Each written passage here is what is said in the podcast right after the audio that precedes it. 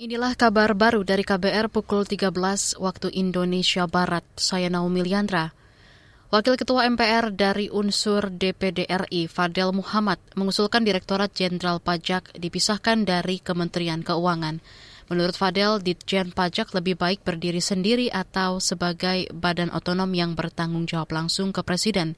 Menurut Fadel, ada pendapatan pungutan atau uang negara yang cukup besar dan dikelola Ditjen Pajak. Nah, saya berpikir secara nasional kita punya dirjen pajak, ada juga pendapatan lain-lain, PNBP. Nah, kalau bisa ini menjadi badan pendapatan nasional atau badan pendapatan negara. Nah, sehingga ini langsung di bawah presiden, tidak di bawah menteri keuangan. Beda, kalau di bawah menteri keuangan, maka dia prosedurnya, statusnya, dan sebagainya itu berbeda. Wakil Ketua MPR Fadil Muhammad mengusulkan pemisahan Direktorat Jenderal Pajak dari Kementerian Keuangan setelah terungkapnya sejumlah kasus yang melibatkan institusi pajak belakangan ini. Fadil mengingatkan masalah di Ditjen Pajak harus segera diselesaikan karena ada dugaan keterlibatan orang dalam. Sebelumnya Menko Polhukam Mahfud MD menyampaikan ada 69 pegawai Ditjen Pajak yang diduga melakukan tindak pidana pencucian uang. Dugaan itu bersumber dari laporan dari Pusat Pelaporan dan Analisis Transaksi Keuangan PPATK dan sudah dilaporkan ke Menteri Keuangan. Kita ke informasi lain. Yayasan Lembaga Bantuan Hukum Indonesia YLBHI kecewa dengan vonis bebas dan ringan yang dijatuhkan pengadilan terhadap sejumlah terdakwa tragedi Kanjuruhan.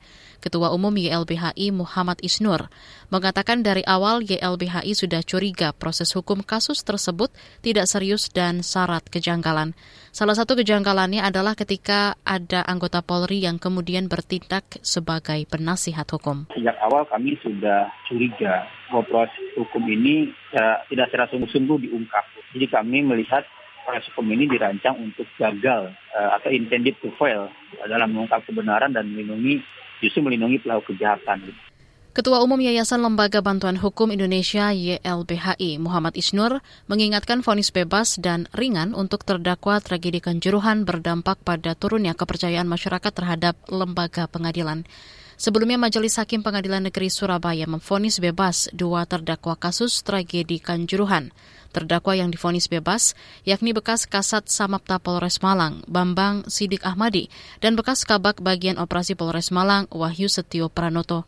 Sedangkan dua terdakwa lain difonis ringan antara satu hingga satu setengah tahun penjara. Saudara, tragedi di Stadion Kanjuruhan Malang, Jawa Timur terjadi 1 Oktober tahun lalu. Tercatat 135 korban meninggal dan ratusan lainnya luka-luka. Kita ke mancanegara. Utusan khusus Perserikatan Bangsa-Bangsa PBB untuk Myanmar, Nolan Heizer, menuding junta militer berusaha menutup akses masyarakat ke pangan, dana, dan informasi. Penutupan seluruh akses ini diduga sebagai hukuman kolektif bagi warga sipil. Kemarin Heizer berbicara di sidang Majelis Umum PBB. Ia menyebut status darurat militer sudah diperluas ke 47 kota di Myanmar. Selain itu, rezim junta juga sudah menghidupkan kembali undang-undang tahun 1977 yang memungkinkan warga sipil pro-junta untuk membawa senjata api. Hazer, Hazer juga mengkritisi penangkapan dan penahanan sewenang-wenang yang terus berlanjut, khususnya terhadap para pemimpin politik yang dipilih secara demokratis, tokoh masyarakat sipil, dan jurnalis. Begitu juga dengan para tahanan perempuan yang semakin menghadapi pelecehan dan kekerasan seksual.